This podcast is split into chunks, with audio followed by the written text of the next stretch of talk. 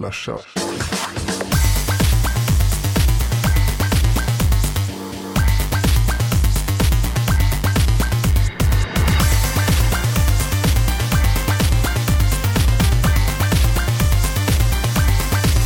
Slasha.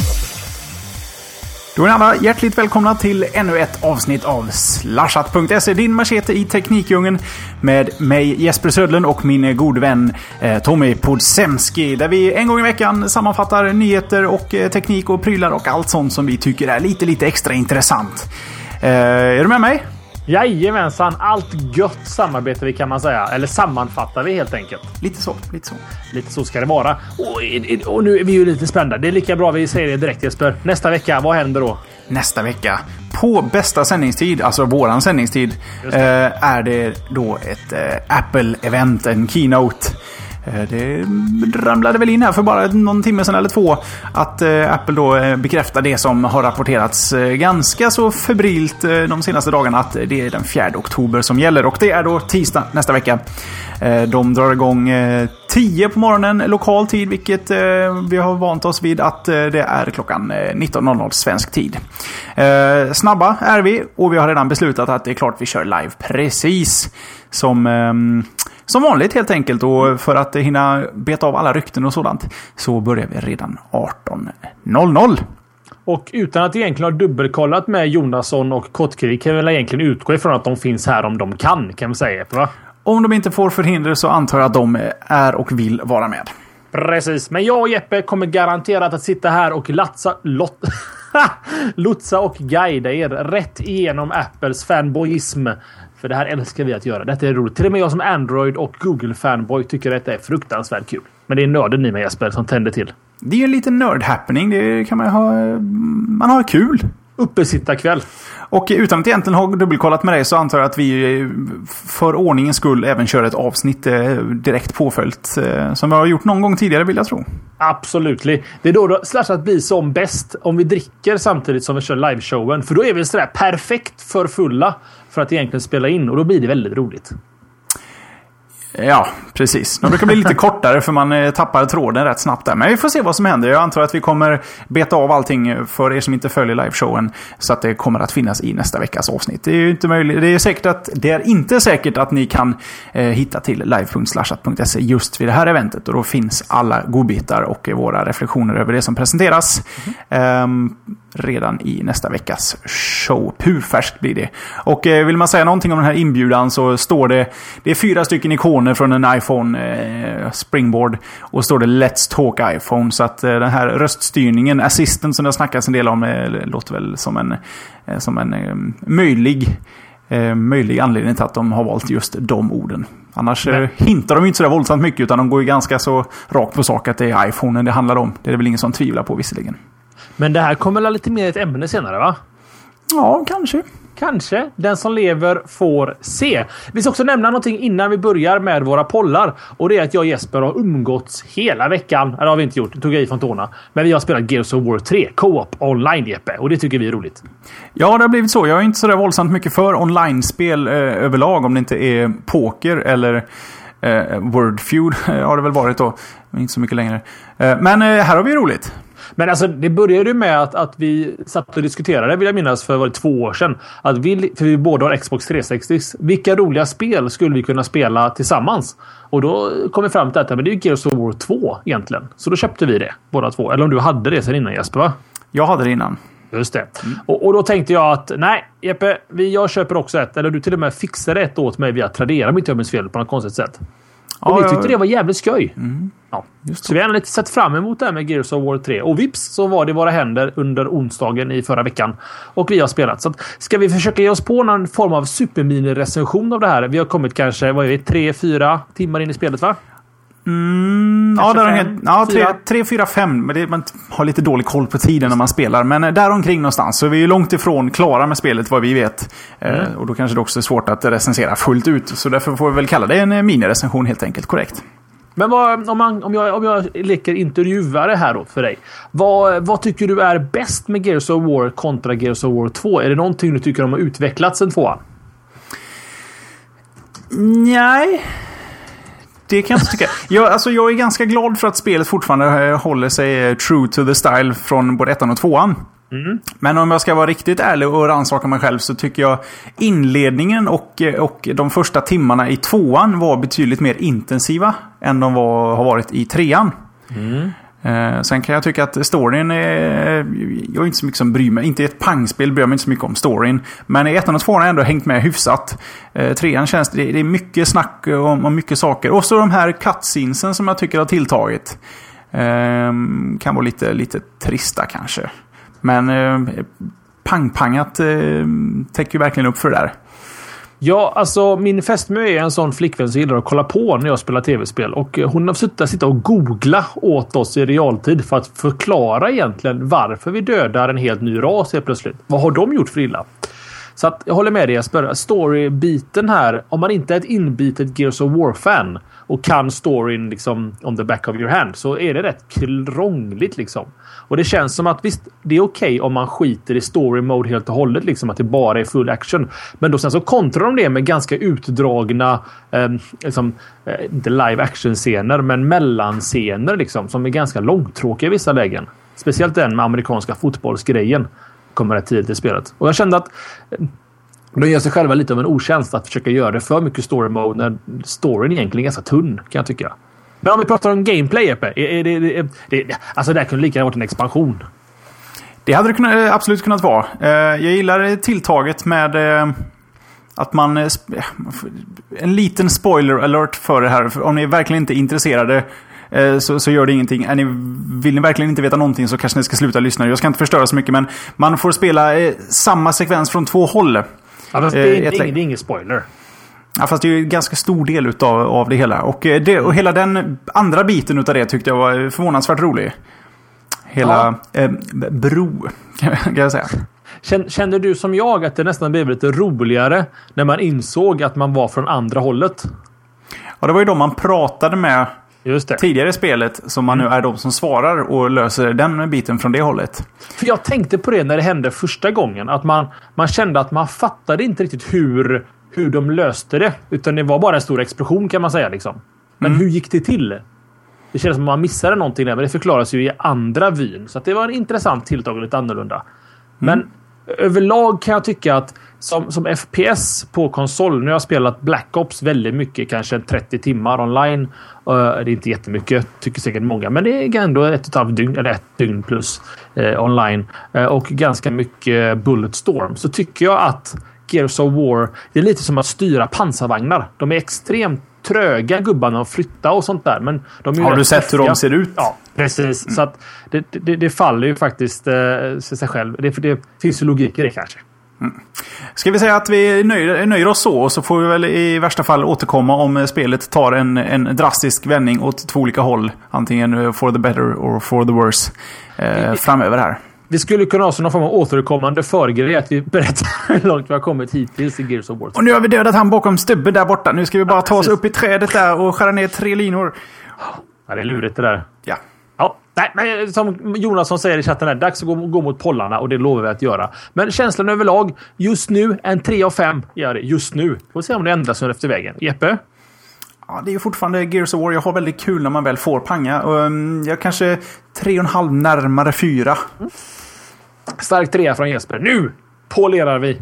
Ja, och det är väl du som eh, redovisar förra veckan om inte jag läser helt garant här. Mm. Mm. Pollenrapporten vecka, eh, vad det nu är för vecka 30, 132! 70. Just det. Tänkte vecka på året. Skitsamma. Eh, jo, eh, förra veckans poll så pratade vi, förra veckans show snarare, så pratade vi mycket om Windows 8. Frågeställningen var ju naturligtvis, är Microsoft på rätt väg med Windows 8?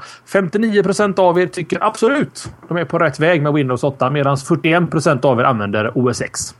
Så att, eh, nej, det gör ni inte. Men 41 procent av er tyckte inte då att Microsoft är på rätt väg med Windows 8. Många har kommenterat på att man kan väl inte ha en åsikt om någonting man inte har provat. Jo, det kan man, har vi kommit inte, fram till. Inte hela internet fullt av åsikter av folk som inte har provat saker. Precis. Och här är vi. också åsikter om saker vi inte provar. Mm. Jo, nej men alltså som vi sa, det handlar lite mer om... Um, de gör ju ganska uh, nytt tilltag här med att dra tableten nära desktopen och allting. Är det på rätt väg? Eh, och då vann Absolut på 59 procent. Sagt var. Och jag är absolutare. Jag tycker att det är att, eh, på rätt väg, men jag är lite försiktigt skeptisk. Eller så är jag försiktigt optimistisk. Jag vet inte riktigt vad jag är. Jag är lite, lite försiktig kan jag snarare säga att jag är Jesper. Jag är lite, får se hur det, hur det bär hän. Jag är ju en sån som stänger av allt sånt där och kör Vanilla så långt det går. Så att, um, Mm, kanske för mamma och pappa. Detta är någonting med eh, Metro UI. Vad säger herr Söderlund? Vi gick ju faktiskt du och jag igenom det här. Jag Just tror till och med du använde exakt de orden förra veckan. Att du är försiktigt både optimistisk och pessimistisk och mitten och mamma och pappa. Eh, och jag sa nog precis som då också. Att eh, jag är positiv. Och då mm. förstår jag också din idé om att det är OS 10-folk här på 41% som säger emot. Jag tror att de är helt på, på spåret med att Windows 8 börjar, börjar likna något. Börjar likna OS 6? Ja, lite kanske. Lite kanske. Eh, men du svarar också absolut då, kan jag väl sammanfatta det med. Precis. Yes sir. I den här veckan ska vi bjuda upp ett poll och det gör Jesper.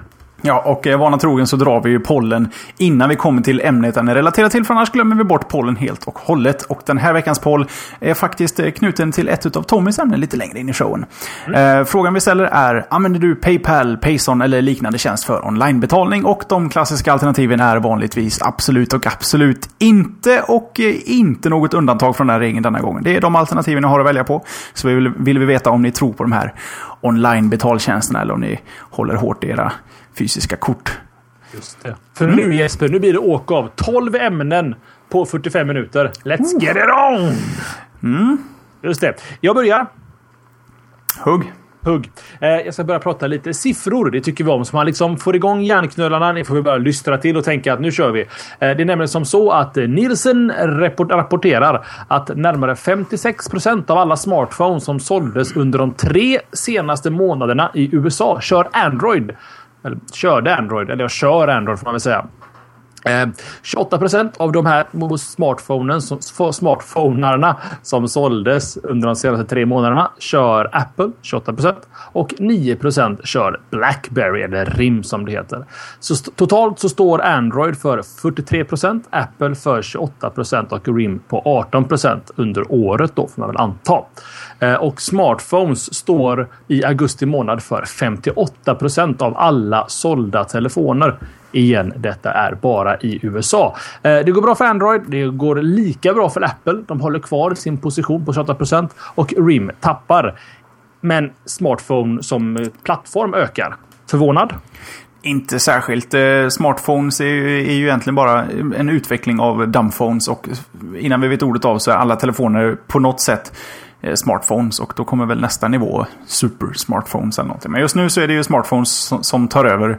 Ehm, och de äter upp eh, från Blackberry verkar ju vara det som är, mm. faller hårdast här och förmodligen Windows om de har någon marknad kvar. Jag vet inte riktigt hur det går där. Får väl vänta tills deras Nokia slash Windows stöt kommer där. Yes, sir. Men sen också värt att ge Apple en liten klapp på huvudet att de faktiskt fortfarande även en månad innan en ny iPhone släpps fortfarande står kvar på 28% under tre månader. Att de säljer så pass bra med sina telefoner. Det är well played. Det tyder på vettig hårdvara och vettig mjukvara. Mm. Mm. Och det för oss lite, inte helt osökt in på eh, mitt första ämne som egentligen, jag hann väl nästan eh, gå händelserna lite i förväg här och när jag börjar snacka vidare. För det var ju faktiskt så att de här ämnena ställs ju samman under dagen och då visste vi inte om att eh, den 4 oktober var spikad. Eh, det sägs ju som sagt att eh, iPhones är på väg och eh, det, det tydligaste tecknet på det av senare tid är väl egentligen att eh, allas våra miljögubbe och han är väl till och med en sån Nobelpristagare va? Mm. Al Gore. Ja, just det. Han är ju även styrelseledamot. Eller styr, han är med i Apples styrelse. Han lyckades på Discover Invest, Leader, Invest Leadership Summit kläcka ur sig citat “Not to mention the new iPhones coming out next month”. That was a plug. Mm. Uh, så... Om, vem vet? Han teasar kanske. Bra uppmärksamhet, jag vet inte. Eh, han bör väl eventuellt kunna veta vad det är som är på gång från, från Apples håll. Och eh, rykten har ju ändå gått. Eh, jag har märkt här bara i, i chatten under, under försnacket här att vissa tror två telefoner, vissa tror en telefon. Men eh, vi har sett lite tecken på både och. Men eh, ryktena säger väl till största del att det kommer en iPhone 5 och så någon sorts 4S eller någon, någon eh, lite billigare variant som då ska täcka upp någon eh, lite mindre eh, ja, lite billigare segment helt enkelt. Förmodligen konkurrerar lite mer med eh, Android som eh, konsekvent eh, ligger på en lägre pris, prisbild. Eh, release är imminent är det sagt. Eh, Apple har börjat neka Apple Store-anställda från att ta semester under andra veckan i oktober. Och om vi då har ehm, den här presentationen 4 oktober, det är tisdag nästa vecka, så skulle det då betyda att telefonen inte tar mer än en vecka förrän den når butik. Och eh, det sägs också att det är Tim Cook som kommer att hålla det här, alltså inte Steve Jobs. Och det kommer att göras på Apples eh, marker ute i Cupertino. Och det, det spekuleras i varför de inte brukar, eller gå till um, Buena, vad heter det, Yerba, Buena, Buena Vista, just, Vista är det väl? Buena Vista. San Francisco säger vi bara. Uh, det, varför det skulle vara så, det kan ha att göra med att det, det har varit lite oklart för dem själva när telefonen släpps. Och då är det lite svårt att uh, boka upp en så stor lokal när de inte har exakt datum. För att det kanske har skiftat, någonting uh, strular i produktionen eller vem vet. Och då är det lätt att hålla det på sin egna eh, bakgård. För då kan man göra det precis när som helst. Och eh, mer får vi veta när vi sitter så här dags och spelar in avsnitt eh, nästa vecka. Då vet vi. Just det Jesper. Och du är lite nervös, eller lite spänd kan man säga va? Ja, jag har ju redan slängt ut min iPhone 4 på Tradera här nu. Jag har ju tänkt att göra mig av med den och eh, nu känns det som eh, eh, bästa tiden Ja, inte bästa. Jag skulle ha sålt den lite tidigare kanske. Men eh, ju mer jag väntar nu desto, desto sämre så att säga. Men eh, ja, nej, jag, jag tänkte nog byta oavsett här.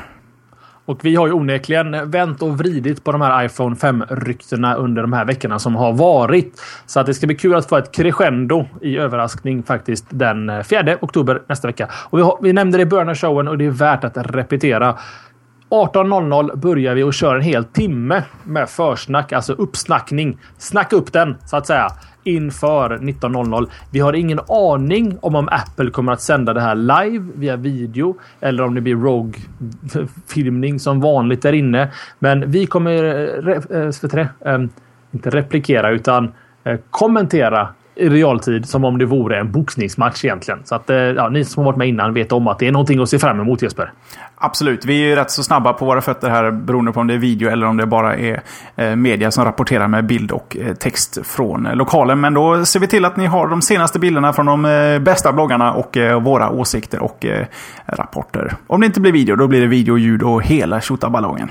Och sen så ska jag bara göra en liten uppmaning här. Att, eh, att det finns ingen skam i att samla upp lite vänner, poppa lite popcorn, knäcka lite öl och kolla på oss. Tillsammans på tv till exempel. Det är veckans rekommendation från mig. Samla ett gäng vänner och mys tillsammans för att alla är intresserade. Ni sitter hemma och tittar. Titta ihop istället. Det är min rekommendation. Jag hade gärna satt mig och sett på det där, men det blir ju svårt. Alltså om vi säger så här, om inte vi hade haft slashat så hade jag utan tvekan velat se detta ihop med dig på något sätt. Så man kan kommentera liksom. Ja, vad tycker du Jesper? Och sånt mm. där. Ja, vad roligt. Men nu spelar vi in det istället, så att vi får kalla det för en show istället. Ja, precis. Ja. Och eh, femman, som vi sa, femman, eh, rykten finns i hela backloggen bakom mig här av 100 avsnitt i princip. Har vi pratat om detta. Så jag tycker vi går vidare. Tycker jag definitivt. Vi ska gå nästan 2000 år tillbaka i tiden till de döda havsrullarna. Ni som inte är helt on board med vad döda havsrullarna är så är det egentligen eh, pappersfragment eller papyr crap. Alltså ni vet gamla, gamla papper. Pergamentrullar kanske? Precis, så heter det ja. Eh, som, det är gamla rullar som hittades 1947 i en grotta i Qumran nära Döda havet. Därav namnet då Döda havsrullarna. Um, och senare då så gjorde man flera fynd i andra grottor med flera sådana här pergament eller rullar med text. Uh, rullarna förvaras idag i ett specialkonstruerad byggnad i Israelmuseet i Jerusalem. Heter det. Um, Fynden då, vad, är, vad står det i de här papperna? Jo, det är en fullständig version av Jesajas bok som kastar ljus då över judiskt liv under det andra templets tid och den väldigt tidiga kristendomen. Då. Det där har jag ingen koll på alls. Jag läste till. Varför berättar jag om det här i en teknikpodcast? Jo, för att Google har digitaliserat de här havsrullarna då, så att vem som helst kan läsa dem på hemsidan för det här museet i Israel. Ehm, Google har gjort det tillsammans med israeliska antikvitetsmyndigheten Israeli Antiquities Authority ehm, och de arbetar över ett år med att digitalisera de här rullarna. Ehm, förutom pergamenten i sig som, som finns med högupplösta bilder. Jag tror det var 1400 pixlar, inte mycket megapixels kanske. Kan det stämma? 1400 megapixel? Nej, det låter jävligt blodigt alltså.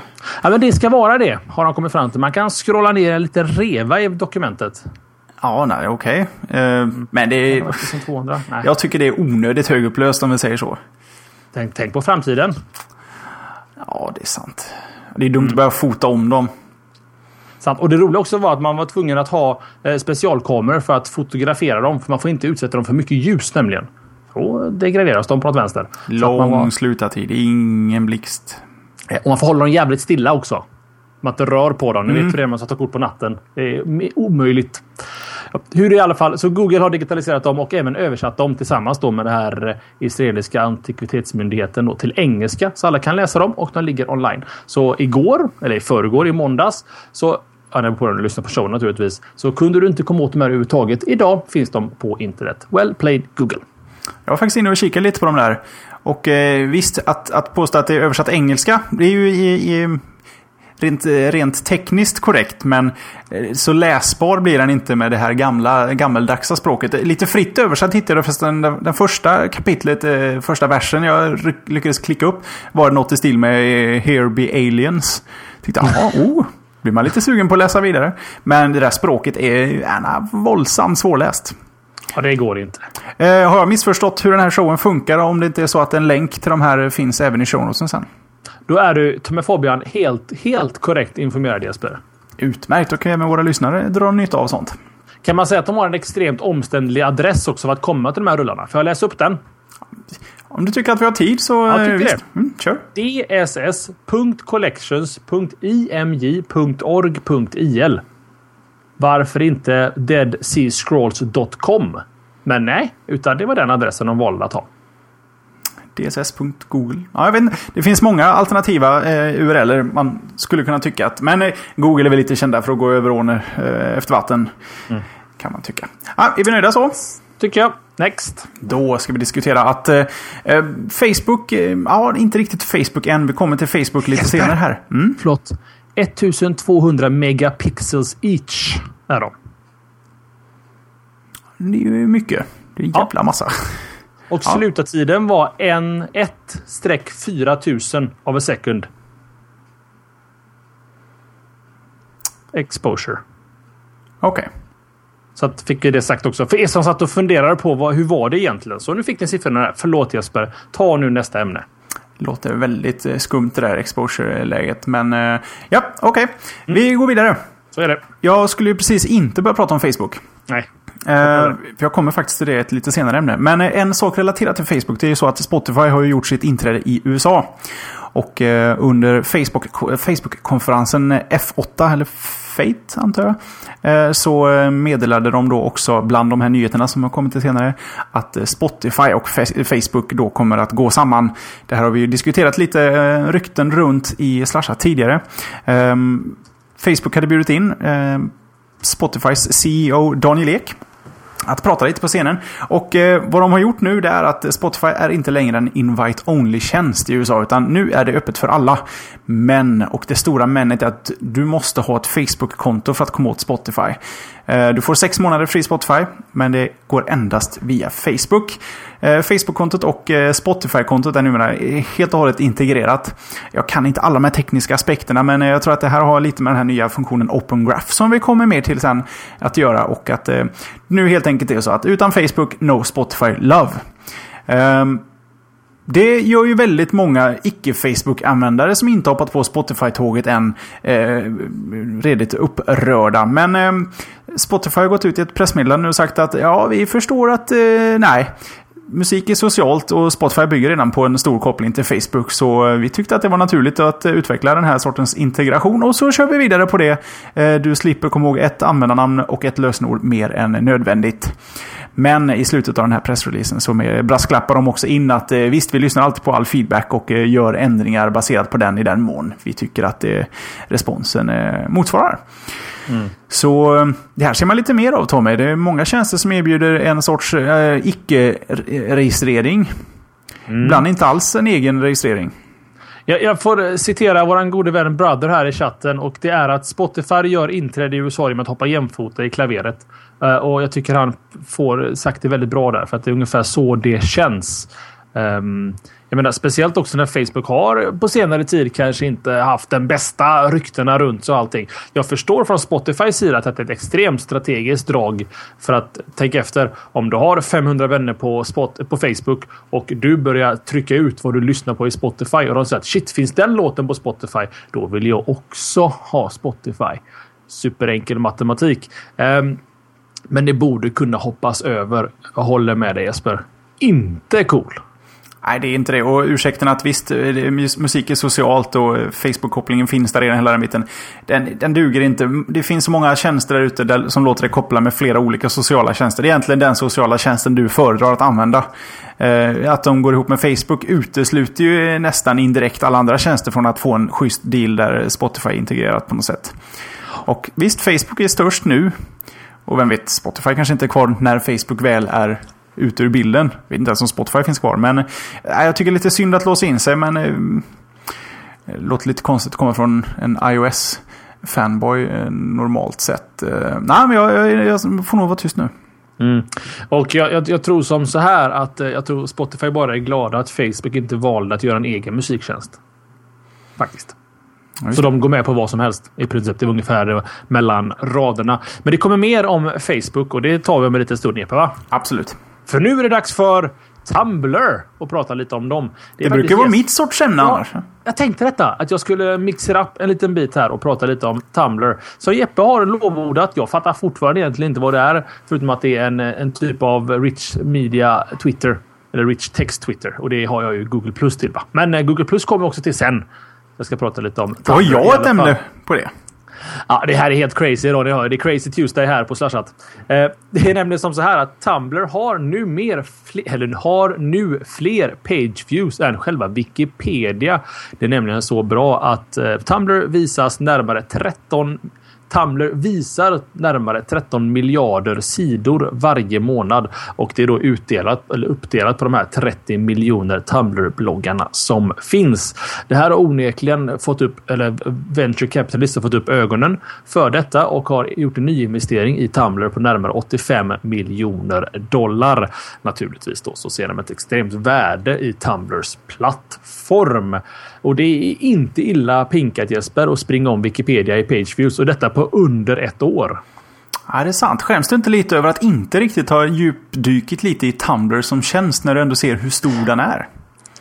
Ja, ja, nej, ja, ja, nej, nej. Ja, ja jo, okay då. nej. Ja, lite kanske. Just nu så länkar de i chatten Kim Jong-Il looking at things.tumblr.com och jag ser direkt ett värde i den här bloggen Jesper. Mm. Ja, men det är lite den sortens saker Tumblr används till. Alltså, man ska inte anklaga Tumblr för att vara eh, fullständigt fullproppad med viktig content. Det är inte det den eh, har blivit till för riktigt. Men eh, imponerande siffror. Mm. Här tittar han på en fisk till exempel. Kim, Jong, Kim Jong-Il. Det känns som en bild som skulle passa på den Tumblr. Mm. Ja. Looking at a döner kebab. Det är coola solglasögon. Ja, ni hör ju. Det, det, man kan ha hur kul som helst. Och det är bara en av alla. Ja, det finns, om blir det nu, 29 miljoner bla bla bla bla bla bla kvar. Det är bara att börja på A. Men du, du är som sagt var Tumblr, tum, Tumblrified. Uh, ska, ska vi starta någon slashat Tumblr kanske? Nej.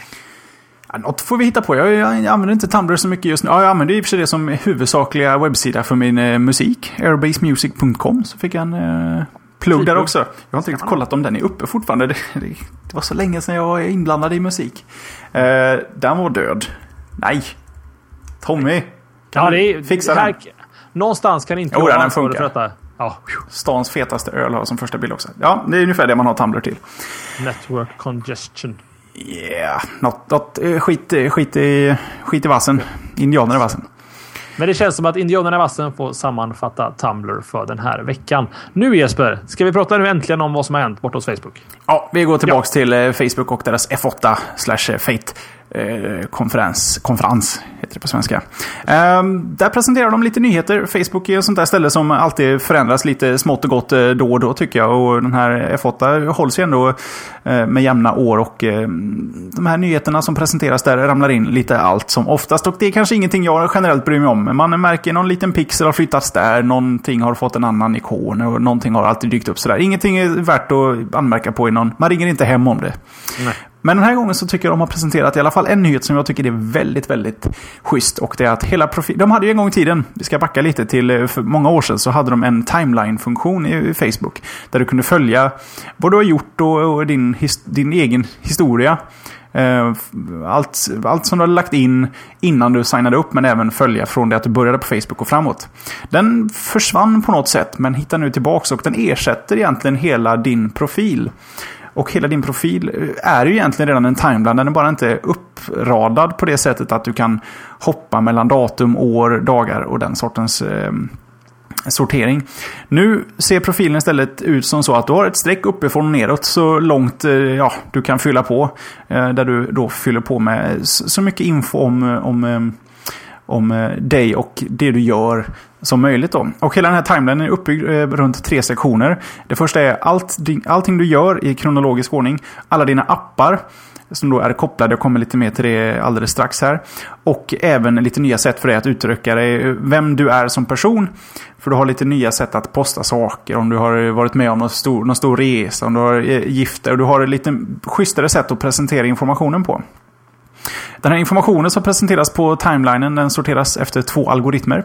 Antingen eh, baserat på hur viktig informationen är och då har de eh, rankat olika saker. Giftermål rankar högre än om du har gått på någons bröllop. Men gått på någons bröllop är högre än att du har ätit en Billys pannpizza. Och på något sätt så har den då en sån algoritm. Som då väger den här mot hur länge sedan det var den postades.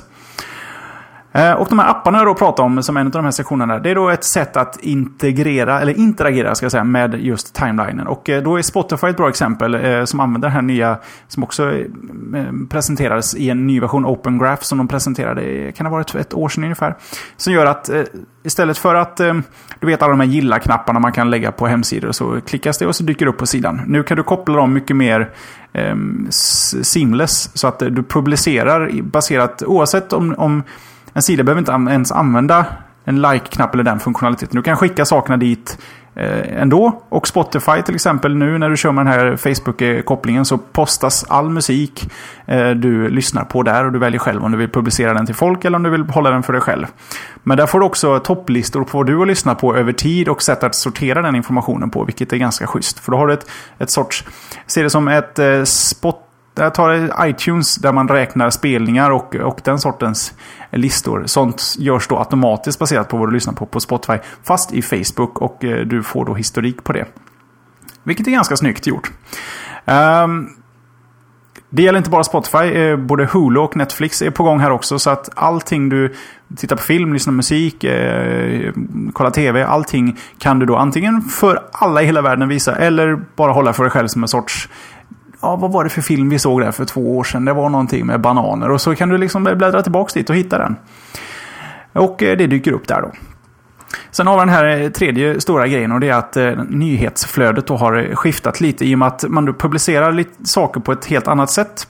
Antingen så postar du de här stora eh, grejerna då som eh, hamnar i din timeline eller så är det saker som att du har kommenterat på någons kommentarer, du har tryckt gilla på någons kommentarer och lite den här sortens små saker dyker inte längre upp i din, eh, din newsfeed utan den är flyttad till ett nytt område som heter, eh, eller så kallas ticker, som ligger uppe till höger som är en sorts eh, snabb rullande Eh, automatskrollande lista över vad dina vänner gör precis i skrivandets stund. Och eh, det här Open Graph jag pratar om, syftet med den är helt enkelt att fylla din profil och se till att du upptäcker nya saker genom vad dina vänner gör.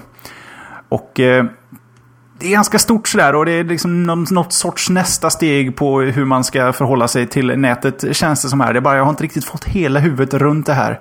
Jag tror jag twittrade om det här om dagen. Eh, innan man vet ordet av så har man råkat bara trycka upp någon porrvåffla eller någonting rätt upp i widescreen på sin profil till alla. För att man har varit lite oaktsam med vilka knappar man trycker på. För det gäller att hålla koll på sin privacy och, och var man lägger sakerna. Men eh, privacy-lägena har förbättrats nu. Nu är det ganska enkelt och baserat på antingen eh, inlägg nivå eller på hela sektionsnivåer eh, besluta vart du ska skicka grejerna. Och det, ser bättre och bättre ut.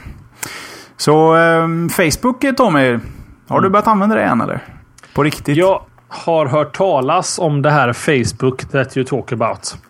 Nej, men, men skämt åsido. Alltså jag sa ju till dig, kanske lite på skämt naturligtvis, att, att jag som tekniknörd borde ju vara mer nyfiken på att titta på timeline. Men jag har faktiskt inte brytt mig om att aktivera det. Jag har sett lite screenshots på det och det är väldigt snyggt. Men jag, alltså jag är nog inte målgruppen bara. Jag, jag ser inte något omedelbart intresse för detta direkt. Um, och spec alltså jag gillar Last 5. Jag gillar att scrobbla både och jag kör Tract.tv för alla filmer och tv-serier jag kollar på. Jag kör Last 5 för musiken jag lyssnar på. Uh, men att synkronisera allting till Facebook. Jag, uh, jag, nej, jag vet inte vad jag är. Jag kanske bara är Facebook-anal Jesper så kan det ju vara. Jag har ju alltid mm. haft den här, jag är också lite sån, eh, gillar att scrobbla saker och hålla, hålla koll på grejerna. Och jag ser väl det som en fördel att man kan samla allt det på ett ställe och du behöver inte nödvändigtvis visa det för folk utan som ett litet eget register över vad du har sett. Och mm. I och med att du kan men... även få upp den informationen och sortera den och se den snyggt och presentera den väldigt snyggt så, så det är ett tacksamt läge. Ja men precis och det, och det är det jag ser med eh, Last.fm och uh, Tract.tv.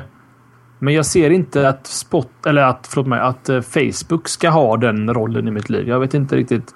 Alltså, assume that everything is public när det gäller Facebook. Och då känner jag att eh, alltså man har ju sina små synder i musiklyssnandet. Liksom, och de får gärna stanna hos mig själv.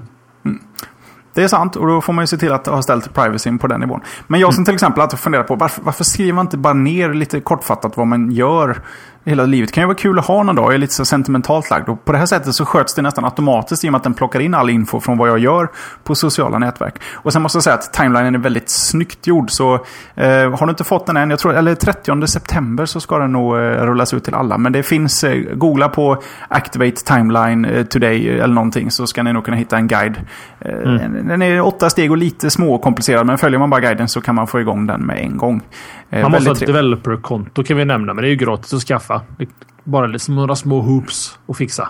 Nah, ja, du måste in på developer-sidan och sen klickar du bara på create open graph och så väljer du timeline helt enkelt. Det är inte krångligare än så. Men jag märkte i alla fall och jag såg också lite fler folk jag, jag, följer på Facebook att när man väl börjar fylla på den där grejen, man, man vill liksom fylla på gammal info och saker man gjort innan Facebook-tiden. Så man sitter där och lägger in bilder och det är så lätt och snyggt att mm. publicera. Så det är lite beroendeframkallande. Mm. Men nu har vi snackat alldeles för mycket och alldeles för länge Tommy. Vi har nog gått över våran eh, designated 5 eh, minutare. Just det, så det är hög tid att byta ämne tänker du. Jag har inget vettigt att säga om Facebook just nu ändå. Jag Nej, lovar att prova det. till nästa vecka. Det tycker jag. Pay Paypal däremot går det bra för. Alltså man har alltid tänkt att Paypal eh, det är ett ganska stort och eh, massivt företag. Det är egentligen samma sak fast två olika uttryck egentligen. Eh, men att de var så här stora, det trodde jag inte. För nya siffror och lite intressanta siffror som Paypal själva har släppt. I en, under en genomsnittsdag på Paypal så, kom, så går det ungefär 5 miljoner transaktioner genom systemet. Vilket då enligt Techcrunch, deras matematiska genier som har funderat och funderat, har kommit fram till att det motsvarar ungefär 315 miljoner dollar i överförda pengar om dagen genom Paypal. Eh, Paypal, enligt Paypal själva, representerar totalt 18 procent av den totala e-commercen eller e-commerce-volymen varje år. Eh, hade, hade, du kunnat tänka dig att det flödar igenom 315 miljoner dollar om dagen genom Paypal Jesper? Nej, det låter ju väldigt mycket. Min matte A-kunskap här säger att det är 315 miljoner dollar på 5 miljoner transaktioner. Det är alltså 63 dollar i snitt per transaktion. Det låter väldigt mycket utslaget. Men å andra sidan, det kanske finns folk som sitter och för över våldsamt stora summor pengar via Paypal. För det känns, jag har alltid tyckt, eller ansett att Paypal är en bra tjänst för för du och jag som betalar mm. saker på Ebay i princip. Inte att det är någon sorts stor jättelösning eh, för, för businesses att skicka stora summor pengar. För Paypal tar ganska bra betalt. Speciellt om du ska skicka 100 000 dollar eh, och med deras procentsats så tappar du snabbt eh, en och annan krona om du ska hålla på att skicka 100 000 dollar hela tiden. Så imponerande men lite konfunderad också. Mm. Nej, jag, jag, jag vill hålla med, men jag tror att eh, som, som all sån här typ av matematik att några stora transaktioner väger upp de små. Så att, så att, det, blir, så att det blir jämnt i slutändan. Jag menar, vi har ju betalt grejer för närmare 2000 kronor på Paypal. Ja. Till exempel. Mm. Sant. Men jag håller med dig. Det, det, låter lite mycket, men ändå så imponeras man. Bara 18% av den totala e-commerce-volymen per år står Paypal själva för. Det går bra för Ebay som äger Paypal. Det är väl förmodligen också det sista Ebay har. Jag vet inte, är Ebay speciellt framgångsrikt? Är det framgångsrikt? Jag, men eh, känner de en slant på Ebay tro? Jag tror det går riktigt bra för dem. De har ingen mm. riktig konkurrent. Det har inte Paypal heller egentligen, så att det, redan där förklarar ju en del av framgången. Eh, det finns ju en ganska... Ja, förlåt, kör du. Nej, jag har redan glömt vad det var. det, det, finns ju en ganska intressant eh, system faktiskt. Eh, eller system. diskussion just om det där att Google startade ju Takeout. Nej, förlåt mig. Checkout. Som är Googles svar på Paypal. Där man inte kan betala med Paypal. Och tydligen var det så att de hade kommit ganska långt och hade en färdig prototyp tillsammans med Paypal. Men i den här vevan så rekryterade Google två Paypal-anställda till Just Google. Just det, det här låter bekant. Just det, och då blev Paypal förbannade rätt ut sagt och sa att screw this, I'm going home. Så de avbröt det samarbetet. Och det är därför vi inte kan betala med Paypal när man köper Android-appar idag till exempel. För att precis som Jeppe är inne på, Paypal är egentligen för mig också ett sånt där mikrobetalningssystem. Att jag slänger in en hundring här och där liksom på Paypal. Så jag har och kan köpa små saker, appar och sånt där. Men det går ju inte att betala Android-appar eller iPhone-appar vill jag minnas med just Paypal. Så att eh, jag fick ni backstoryn varför inte man kan använda Paypal hos Google. Men jag är imponerad och Googles tanke var då att Checkout skulle konkurrera. Sen finns det även eh, Payson Jesper. Ett svenskt företag. Ja, den svenska motsvarigheten. Eh, eller svenska Paypal får jag väl kalla den. Jag vet inte om de har något med varandra att göra. Jag är osäker. Men eh, Payson är väl ungefär samma sak. Just det. Och apropå Paypal så får vi också nämna lite självpromotion här för showen. Att eh, det, man kan donera till oss om man tycker att det vi gör är värda en slant. Så det är bara att gå till slashat.se donera så kan ni lämna valfri summa till oss och pengarna går ju oavkortat till showens fortlevnad. Till exempel mikrofoner som jag visar i bild här. Fick sagt det också. Mm. About... Uh, ja, händer sen Jesper. Nu, nu, nu kommer Tommy-ämne här på Jeppes front. Ja, just det. Uh, det hände ju faktiskt eh, för första gången någonsin tror jag att eh, Tom och jag när vi sammanställde våra ämnen här i, eh, under dagen så visade det sig att vi nästan uteslutande hade exakt samma ämnen. Så vi var tvungna att bara springa i cirklar en kort sväng och, och, och, och, och hitta på något, någon ny lösning. Och då slutade det med att Tommy fick ett litet, ett, ett litet Jesper-ämne och jag på något sätt slutade med ett Tommy-ämne. Och i det här fallet så gäller det Google och Google Drive som har ryktats under en längre tid.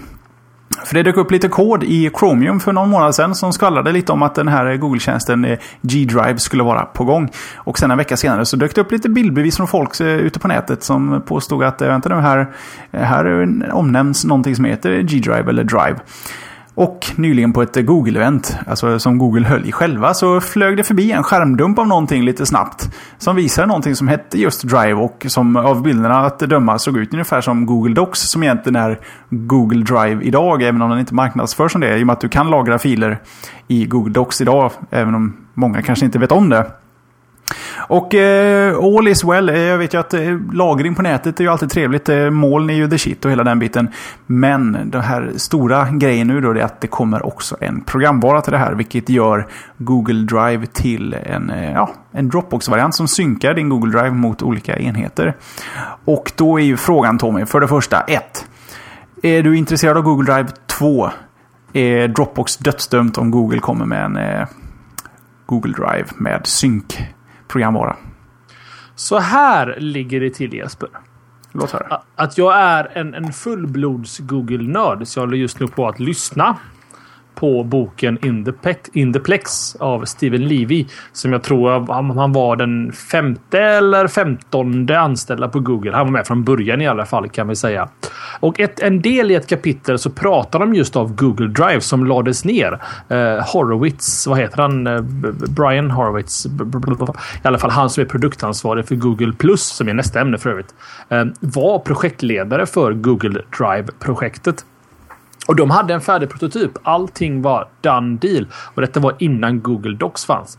Men det sköts ner av en av Googles, inte grundarna Larry Page och eh, Sergey Brin. Utan han heter något indiskt namn. Paptar, ja skitsamma, han är en av de första som, som anställdes av Google. För att Googles filosofi är att filsystem är förlegat. De, de har så, alltså de, Googles mål är att flytta så mycket upp till molnet som möjligt för att devisen är att ju mer vi har på internet, ju mer tid spenderar vi på internet. Ju mer tid vi spenderar på internet, ju mer pengar tjänar Google. Det är deras devis. Um, så de la ner Google Drive-projektet för att de ansåg att Google Docs som hade börjat jobba med var ett vettigare system. Folk vill inte ha filer eller snarare folk ska inte behöva ha filer om ett par år. Eh, och nu det är lite då... Apples filosofi också. De vill ja, inte heller ha väldigt... filsystem i till exempel iPhonen. Ja, exakt, det är precis samma filosofi. Eh, och, och, vad var jag nu? Just det. Eh, och nu ser man ju då att nu finns ju Google Docs idag och där behöver man inte tänka på filer som traditionella um, saker du kopierar mellan hårddiskar och sånt. Det bara finns i molnet och det är inte ens en fil. Det är förmodligen en databas. Entry liksom. Um, men tydligen då så diskuterar man att de vill ta tillbaka Google Driven och den kommer koppla ryktena jag har hört. Uh, nu släpper jag boken. Detta är realtid nu då. Uh, att, den ska, att det ska vara en drive som visar dina Google-dokument och sånt i ett mer lätthanterligt system på din hårddisk. Liksom. Varför de har väckt det här systemprojektet igen, det vet jag inte. Men det var vad jag läste mig till i alla fall. De ser väl framgången i, i någon sorts online-lagning. Molnen blir större och eh, Dropbox är ju en succésaga av, av rang. Mm. Och eh, där finns det ju pengar att tjäna. Jag, alltså, om, jag, om jag får filosofera, det har vi egentligen inte tid med, men det, jag, jag ger mig själv en minut att filosofera. Så skulle jag vilja, för att jag är ju ganska hårt investerad i Google i, med att jag har alla mina bilder på Picasa där. Jag har hela min mail och allting där. Om G-Drive skulle vara ett sätt att mappa mappa mina Picasa-bilder till en drive på min hårddisk alla Dropbox. Det vill säga att jag kan få fram alla bilder jag har i Picasa som en drive på hårddisken. Eh, eller att komma åt alla dokumenten. Eller att kanske göra en Dropbox-liknande lösning så tror jag att jag skulle tycka att det var en bra grej i alla fall. Och ja, för att svara på din fråga för drygt 20 minuter sedan. Eh, Dropbox kan nog vara lite orolig här tror jag. All right. Mm. Då, då var, det, var, det, var, det var mitt ämne det ja. Det var det. Vi får se hur, hur, vad, det, vad det tar vägen i alla fall med Google Drive. Ifall den släpps eller inte. Ja, just det. Då är det ditt mm. ämne. Jo, apropå på Google och Google Plus och den här Horowitz som jag nu glömt namnet, förnamnet på. Eh, så vi pratade i förra veckan om att det går dåligt för Google Plus eh, enligt en undersökning. Men det var lite vad det vi misstänkte att det kanske var lite... Um, att de flitter, manage flitter. Ja, Flitter ja. Så fick de en till där ja. Mm. Exakt. Det, det, kan ha varit lite sån där grej. För att det är snarare tvärtom. Eh, Google gick ut med lite siffror, annars mått gott. Och deras trafik har ökat med 1269 procent under förra veckan. Sen ska det nämnas med att det var i förra tisdagen, egentligen samtidigt som våra show pågick, som Google slog upp dörrarna liksom och sa att alla får lov att skapa sig ett Google Plus-konto. Och det har ju märkts framförallt på Google Plus. Det är väldigt mycket folk där nu. Men det här i alla fall gick från 1,1 miljoner besök i veckan till närmare 15 miljoner besök under förra veckan. Då. Och Google understryker att detta inte inkluderar den här svarta baren som är längst upp på google.com. Det anses inte vara en hit hos Google+. Eller en träff ska jag vilja säga snarare. Så att det, det går onekligen bra för Google+. Sen har det nyhetens behag och att, att marknadsföringsmodellen är ju egentligen klockren. Helt plötsligt så är det en svart bar längst upp på Google-sökningen så står det du i vänstra hörnet. Aha, tänker alla. Den klickar jag på. Det gjorde sig bättre i video än på radio, men ni förstår att jag tryckte på den där uppe i alla fall. Uppe i hörnet där ja. Mm. Ja, just det. Där uppe var jag klickade. Mm. Um, så, men i alla fall inte bara detta, utan Google har även släppt flera stora ändringar till Google+. Plus Eller funktioner får vi väl kalla det för snarare. Uh, huvudsakliga grejerna kommer jag lista upp här snabbt för er och det är att man kan dela cirklar på Google+. Så har jag en cirkel med Epic Bros mina bästaste killkompisar då, i och med att jag var bros. Eh, så, så kan jag dela den gruppen med hela Google Plus. Så andra kan få ta del av det. Detta har ju såklart blivit väldigt, väldigt populärt med tanke på att um, det finns till exempel Robert Scoble delar ut en ganska intressant lista med venture capitalists och det är ju jätteintressant för någon som vill hitta många VCs för att pitcha ett projekt till exempel. Um, så det är en av de nya funktionerna. Eh, även, ja, det här kommer ganska tidigt då, men spelet Cityville från Synka Games släpptes i deras Game Store. Sägs också tydligen ha en ganska stor effekt varför så många har kommit till Google+. Um, man får också att man får rekommendationer på vilka människor man kan cirkla för att göra ett verb. Eh, samt att de släppte API för Google+. Men de säger själva att detta är bare minimum eller bara basic API. Det vill säga att man bara kan läsa programmatiskt från Google+. Man kan inte skriva till Google+. Än. Sen kan man ju diskutera om man någonsin ska, ska kunna skriva till Google+. Vill vi att Google+, ska falla ner i samma håla som Buzz? Men att alla bara spottar sina tweets till Google+. Mm, vi får se. Det är Googles beslut, inte mitt. Ni förstår säkert vad jag tycker om det. Eh, slutligen så har Hangouts fått en rejäl uppdatering. Eh, och man nu snart kommer att kunna dela sitt skrivbord och rita tillsammans och sånt via Hangout. Men också att man kan strömma sitt Hangout live via Youtube. Någonting jag Jeppe inte fick att funka riktigt när vi tittade på det för några veckor sedan. Men det ska funka i alla fall. Kanske någon partnergrej. Och slutligen då att ett API finns tillgängligt för Hangout. Googles idé där är väl egentligen att man ska kunna ta Hangout in i andra appar. Och jag kan nästan räkna på timmar innan vi kommer se Hangout i Google Docs. Som någon form av integration. Att du kan se video på den du arbetar med ett dokument med tillsammans i Google Docs. Nu ska jag dricka vatten Jesper. Take it away. Ja, kan också tillägga att eh, Hangout har hittat in i mobilerna nu också. För eh, för deltagarna. Inte för att starta Hangouts, men för att få vara med i Hangouts. Något vi har i alla fall testat en gång med tillräcklig eh, framgång. Ska mm. jag påstå. Och nu säger också en, en underbar anonym lyssnare i våran chatt här att jag glömde nämna söken. Och det har Ustreamer 449084 alldeles rätt i. Eh, man kan även, även söka på Google+. Söka fram gamla posts av sig själv till exempel. Så att, uh, good things Jesper ahead. Grymt. Nu Tommy ska jag ge mig ut på riktigt, riktigt djupt vatten. Jag ska försöka hålla det kort men eh, korrekt.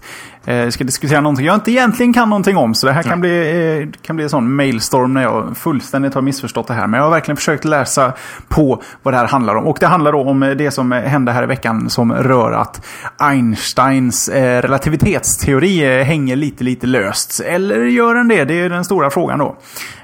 Ni bör ju känna till vid det här laget Large Hadron Collider hos CERN nere i mitten av Europa någonstans. En stor cirkel där man skjuter partiklar för att ja, i vissa fall eh, så tror de att det är dags för ett svart hål i jorden går under hela den biten. Och eh, vad det hela handlar om är att de ska helt enkelt förstå lite mer om universum. Och eh, det är en massa experiment som är planerade. Det har byggts i en herrans massa år. Den är våldsamt stor. Och ett test som nu har gjorts alldeles nyligen eh, döpt Opera. Den skulle sätta... Huvudmålet var inte att sätta Einsteins eh, relativitetsteori på prov. Eh, exakt vad syftet med det här experimentet vet jag inte. Men resultatet av det första experimentet har helt enkelt satt Einstein Einsteins relativitetsteori på prov. Jo, vad är det då man har gjort? Jo, man har lyckats skjuta, nu ska vi se här Tommy. Man har skickat, skjutit neutrinopartiklar i vakuum. Just det, som, precis. Precis de. Ja, du, du, du känner till dem? Jajamän. Mm. Gamla har, vänner. Ja. Och de har då visat sig enligt beräkningar färdas snabbare än ljus, vilket då inte ska vara eh, möjligt enligt Einsteins teori. Eh, alla forskare och eh, partikelfysiker runt om i världen har en egen reaktion på det här. Vissa reagerar med häpnad, vissa är skeptiska, andra är entusiastiska. Eh, och det gäller inte bara forskare, det är även eh, folk. Så sent som igår tror jag till och med Filip och Fredrik skojade lite om det i, i sitt tv-program.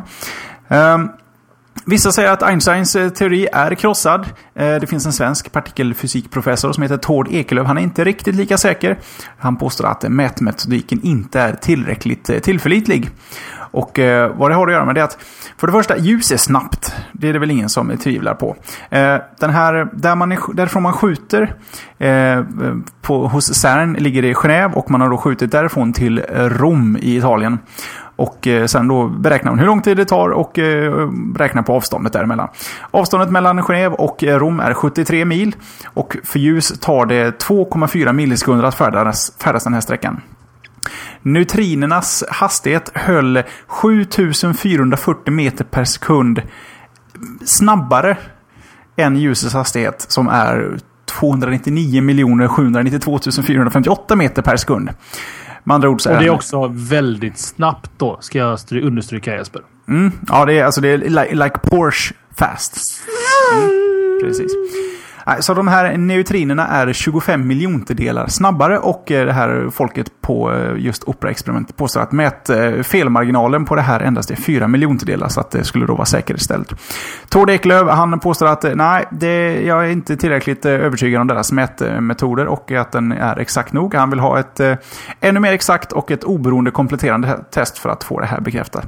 Sen hälsar han, hälsar han också att Einsteins teori inte alls kan krossas för att en teori är en teori. Det är inga absoluta naturlagningar, natur, naturlagar. Bara beskrivningar av den fysikaliska verkligheten, vilket är giltiga under vissa givna förutsättningar. Däremot om operaexperimentet kan verifieras så kommer vi att behöva en kompletterande teori. Och det sitter faktiskt fysiker i världen redan och jobbar på innan det ens eh, är säkerställt så att säga. Och nu har jag en, en, lite av Har du en comeback på det? Ja, jag har det. Och vi pratar alltså inte om Opera webbläsaren nu. Bara så att jag förklarar det för våra lyssnare Jesper. Känner Nej, nej, jag sa ju coolt. Jag trodde jag gjorde klart att det inte handlade om eh, opera webbläsaren. Nej, det här, alltså det här är ju så above and beyond min kunskap om det här. Så att jag tycker bara all, alla ord du sa Jeppe flätade samman väldigt bra känner jag. Ja, men det finns ett nummer här i mitten. 299 miljoner, en jävla massa siffror meter i sekunden. Det bara låter häftigt. Strängteori, baby, säger de i chatten här. Mm, ja, men de är på våra spår där. Eh, Imponerande. Skjut eh, så mycket partiklar ni vill. Bevisa hur mycket teori, teori ni vill. Eh, svart hål. Eh, need not bother, säger jag. Jag tycker Pierre Pox är helt rätt ute när han vill ta de här partiklarna rätt in i bredbandet. Du bara vill snacka downloads. Oj, oj, oj. Då nu, vet du. Nu, nu talar vi vårat språk. Ja, precis. Något sätt att relatera. Men eh, nog om Einstein och eh, Rom och eh, opera. Ja, och kanske lite mer om Star Wars. Det var ju en sån enastående succé när vi skulle ut, uttala Tatooine förra veckan, det var veckan innan. Så att, eh, och det här är ju en slump då att jag hittade ytterligare ett Star Wars-ämne att avrunda den här veckan med. Men Du det, vågar här, alltså ge dig på det en gång till? men det här Jeppe, det här kan jag uttala kan jag säga. Det här behöver du inte vara orolig för. Det här har jag nailed. Låt höra. Flicka alltså. Jo, det är nämligen som så här att eh, Anthony Herra det var inte det svåra ordet. Eh, En Star Wars-fan av rang försökte förgäves övertyga sina två små barn om att Ewoks, och där sa jag det också, eh, faktiskt finns på riktigt. Man, man vill ju gärna busa över dina barn. Vissa berättar ju sagor om Jesus till exempel. Andra om sagor om Oh. jultomten. Ja, mm. I went all political on them. Eller ja, ja, vet inte. Ja, Religious ass. Ja, just det. Mm. Ja, I alla fall, sagor. Eh, och så, så han tog med dem till nationalparken Sequoia National Park i USA, får vi ut, för, förutsätta då. För att visa barnen att Ewoks faktiskt fanns på riktigt. Hel dag i parken, ungar var över stock och sten, men nej. Inga Ewoks. Inte en Ewok fick barnen se. Ledsna som barn kan bli åkte de hem igen. Men när de kröp upp där i myssoffan framför en levande älg, älg eller eld. Något av de två, det vet vi inte riktigt. Det förtäljer inte historien. Så tittar de på digitalfotona och till sin stora förtjusning ser ju barn att det absolut fanns Ewoks i parken. Så de dök upp bakom stockar och stenar bakom barnen och barnen hade inte sett dem. Världens bästa pappa hade alltså photoshopat in Ewoks i familjealbumet. Ja, det här värmer mitt pappahjärta Jesper. Ja, men jag har förstått att eh, du är inte... Alla papper är inte som dig. Nej, det, jag skrev ju det här och var jättelycklig i fredags. Eh, Men det var, jag fick lite mothugg. Och sa att sådär ska man inte alls göra mot barn. Det är hej terapi. Att de tror att det ska finnas Ewoks. Men då tyckte jag att om man tror på jultomten på julafton då kan man lika gärna tro på Ewoks. Latet säger en rolig sak i chatten här. Det kanske var Terje som fotade. Ja, det skrevs också i Google plus-threaden där. Att eh, årets naturfotograf 2011. Done! Och när Tommy använder det, det engelska ordet för evoker, evox, i en teknikpodcast så ska vi ju då särskilja det inte e-books han pratar om, Nej. som någon här i chatten var inne på. Evokerna, det var en bra tecknad serie när jag var liten vill jag minnas också. Alltså det blev det lite en, en, spin-off där. Ja, animerad. Gick att hyra i videobutiken på den tiden. Söta små djur där. Det är små, små, små nallebjörnar ser de ut som. Fast de ser lite freaky ut gör de också. va? Ja, lite. Det ser ut som de, de vill kramas men kan sticka dig i nacken med en kniv. Man vet aldrig. Man får vara lite försiktig med de här. Lite av spänningen. Ja, men någonstans. Man får, ja, det är lite... Ja, just det. Mm, precis. Släpper vi det ämnet. Men kul! Jag vill, man får tycka vad man vill. Jag tycker att det var väldigt, väldigt bra och kärleksfullt av den här fadern. Att han gjorde så här med barnen. Jag tycker det är roligt och behöver den ungen gå i terapi över det där så är inte evokerna eh, i bilden är det stora problemet. Utan det kan vara föräldrarna. Ja, nej, jag vet inte. Det låter som att det, det, det, känns, lite, känns ganska harmlöst. Eh, eh, Som, som eh, Tobias säger här i chatten. Det är som en lurvig Chucky. Kan man säga. Typ. Mm, typ. Ja, det skrev han också. Typ. Den är också en, jävla... ja. Mm. Ja, Ett eh, sista litet ämne från min sida då. tycker jag. Sen Så- avrundar vi.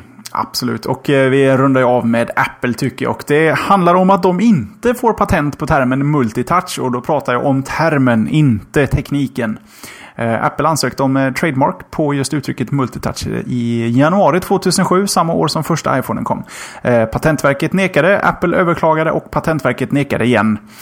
Eh, deras förklaring till det här är att ju mer beskrivande termen är, desto tyngre börda att bevisa att det har uppnått en ny betydelse. Och Patentverket anser att multitouch har blivit en alltför generisk term använd både till annat än Apple-produkter och även innan Apple började använda det. För att det finns dokumenterat att eh, multitouch-uttrycket eh, har använts flera år innan Apple använde det. Så att, eh, suck it Apple.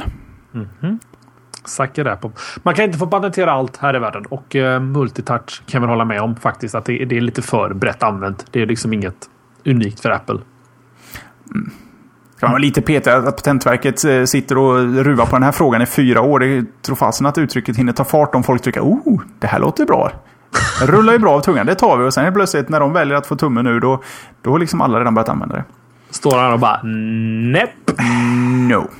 Men men, så kan det gå. Kan inte vinna allt. Men Jag tycker det var exemplariskt av dig Jesper att avrunda med ett Apple-ämne. För det tar ju oss osökt in på tisdagen. Om inte detta är en tredje gång vi nämner det och då förstår ni vidden och vikten av det här. Nästa tisdag från 18.00. Det är klurigt. Det är alltså två timmar innan ordinarie show. Så kommer vi dra igång spakarna och veva igång maskineriet. Vi ska alltså sända en liveshow. Ett realtidsreferat över vad som händer under presentationen av iPhone 5. Jag bara, jag bara slänger in det utan att säga för mycket. Steve Jobs scen utannonserar Apple TV. Och då pratar vi alltså en riktig TV. Just putting it out there.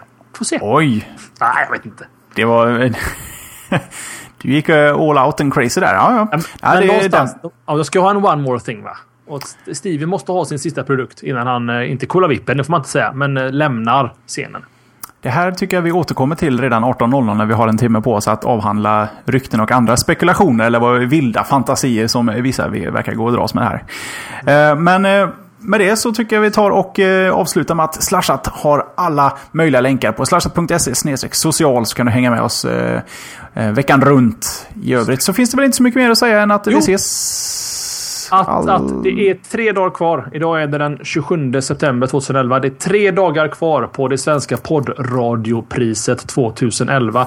Har du inte röstat och kanske tycker du att Slashat kan vara värd en röst som bästa svenska... Nej, förlåt mig. Jag ska läsa mer. Bästa teknik och vetenskap. Bästa kultur och nöje. Bästa amatörkanal. Bästa originalkanal. Eller bästa svenska kanal. Gärna alla fem får du rösta på oss. Så gör det. Det kostar en e-mailadress. Det är ett extremt lågt pris för att faktiskt hjälpa den här showen framåt. Vote.slashat.se så googlar du på poddradiopriset. In och rösta. Du kan rösta fram till den 30 september klockan 23.59. 59. Snälla gör oss den här lilla tjänsten. Så var vi lite bönande och beende här mot slutet. Nu Jesper, nu fortsätter du vara. Ehm, ha det så bra, så ses vi nästa vecka. Live show, missa inte! Hej då! Adjö. Slasha.